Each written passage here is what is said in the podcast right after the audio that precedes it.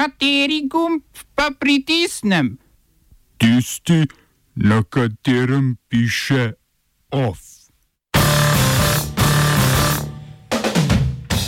Podaljšan rok za javno razpravo o noveli zakona o medijih. Ustavno sodišče vzelo v presojo gradbene člene prvega protikoronskega paketa. Opoziciji beloruskega predsednika Lukašenka onemogočena kandidatura na volitvah. Velika Britanija Huaweiu prepovedala izgradnjo omrežja 5G.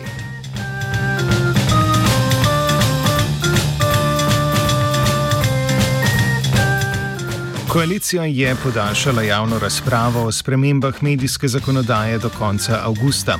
Rok za podajo pripomp na novele zakona o radioteleviziji Slovenija, zakona o slovenski tiskovni agenciji in zakona o medijih naj bi potekel danes, a so v koaliciji po upozorilih tako slovenske kot tudi evropske stroke sprejeli podaljšanje. Zakon o audiovizualnih medijskih vsebinah ima rok do 3. avgusta in tak tudi ostaja.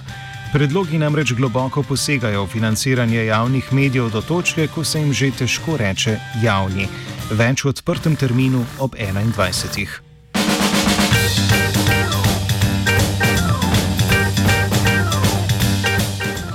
Državni zbor je s 50 glasovi za potrdil še osmega programskega svetnika Radio Televizije Slovenija, Leona Oblaka. Že maja je mandat potekel sedmim svetnikom, ki jih je parlamentarna mandatno-volilna komisija 21. aprila tudi nadomestila. Za osmega pa je med poslanci ni uspelo zbrati dovoljšne podpore, zato se je razpis ponovil.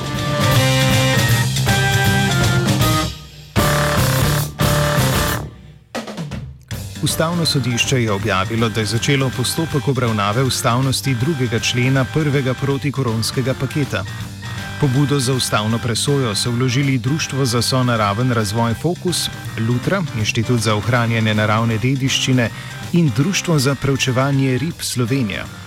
Sporni členi 100D, 100E in 100F se nanašajo predvsem na sodelovanje nevladnih organizacij pri gradnjah objektov oziroma njihovem preprečevanju gradnje. Višajo tudi kriterije za nevladne organizacije, ki se lahko dejstvujejo v javnem interesu.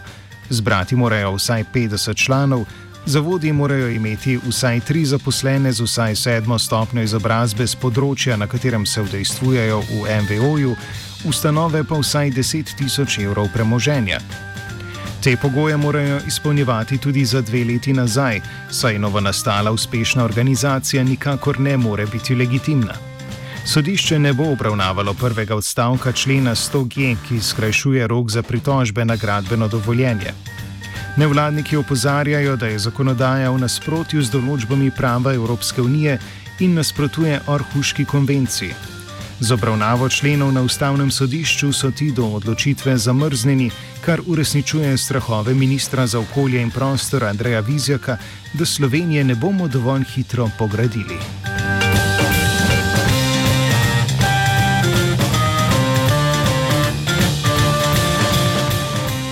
Svet Javne agencije za knjigo Republike Slovenije je na seji sprejel sklep, ki bo vladi predlagal predčasno razrešitev direktorice Renate Zamida. Razlog naj bi bile nedefinirane nepravilnosti pri delu, ki naj bi jih po besedah Zamide učitali že večkrat, a nikoli niso razložili, kaj te nepravilnosti dejansko so.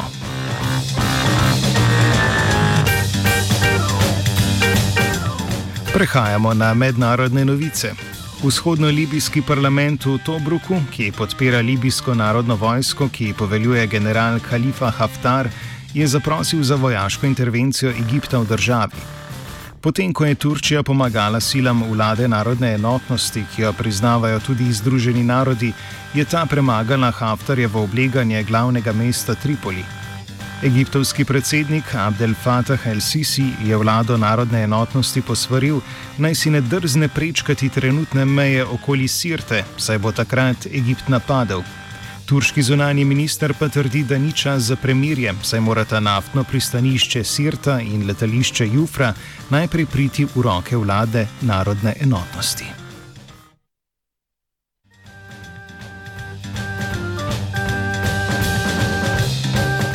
Ameriški predsednik Donald Trump je podpisal nove sankcije proti Kitajski zaradi novih zakonov o nacionalni varnosti Hongkonga. Prav tako je podpisal tudi izvršni ukaz o prenehanju posebnega statusa Hongkonga pri trgovanju ZDA. Sankcije bodo veljale za tiste uradnike, ki z novimi zakoni o nacionalni varnosti, po mnenju Washingtona, kršijo človekove pravice Hongkonžanov, prav tako pa bodo veljale tudi za policijske enote, ki te ukrepe izvajajo in zatirajo proteste. Če banke poslujejo z navedenimi entitetami, bodo tudi one sankcionirane. Vsem navedenim se bo zamrznilo premoženje v ZDA. Kitajska je že obljubila povračilne ukrepe.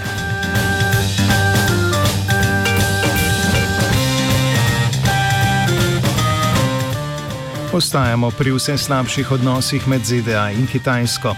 Tajvan je v procesu dogovora z ameriškim orožarskim velikanom Lockheed Martin, ki naj bi dostavil dele za obnovo protiletalskih raket, ki so že del oborožitve tajvanske vojske. Kitajska je v primeru potrditve 620 milijonov vrednega dogovora napovedala sankcije za podjetje. Govorec zunanjega ministrstva pa ni namignil, kakšne sankcije naj bi to bile.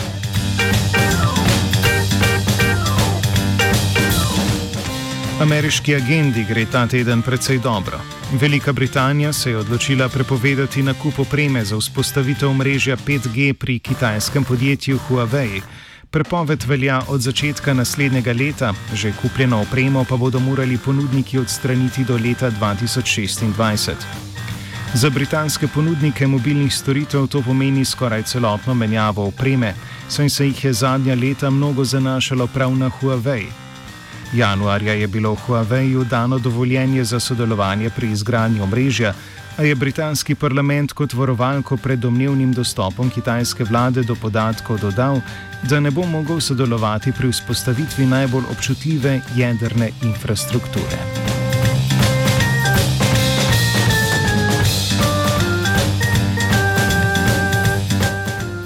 Beloruska centralna volilna komisija glavni vodji opozicije Viktorju Bambarjarku ni dovolila registracije kandidature na avgustovskih predsedniških volitvah. Komisija je soglasno zavrnila kandidaturo, potem ko je predsedujoča Lidija Jermošina prisotne seznanila z obtožbami neprijave premoženja in uporabe tujega financiranja za kampanjo.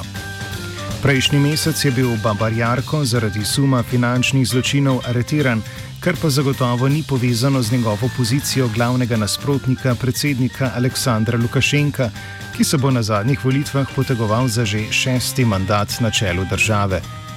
Zavrnjena je bila tudi kandidatura Valerija Cepkala, je pa, kot, je pa komisija kot edino potrdila Svetlano Tikhanovsko, ženo zaprtega aktivista Sergeja Tikhanovskega.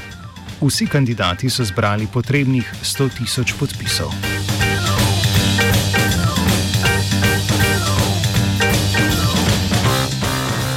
Meddržavno sodišče v Hagu je razsodilo uprit Katarja v konfliktu iz leta 2017 med Bahrajnom, Egiptom, Saudsko Arabijo in Združenimi arabskimi emirati na eni strani ter Katarjem na drugi. Po obtožbah četverice, da naj bi Katar financiral radikalne islamiste v Iranu, so zaprle zračni prostor Katarja, kar je pomenilo, da katarsko letala v omenjenih državah niso mogla pristati in obratno, da letala četverice niso smele vstopiti v katarski zračni prostor. Prepovedale so tudi zasidranje katarskih ladij, pretrgale trgovinske vezi in zaprle meje. Katarski državljani pa so bili izgnani iz omenjenih držav.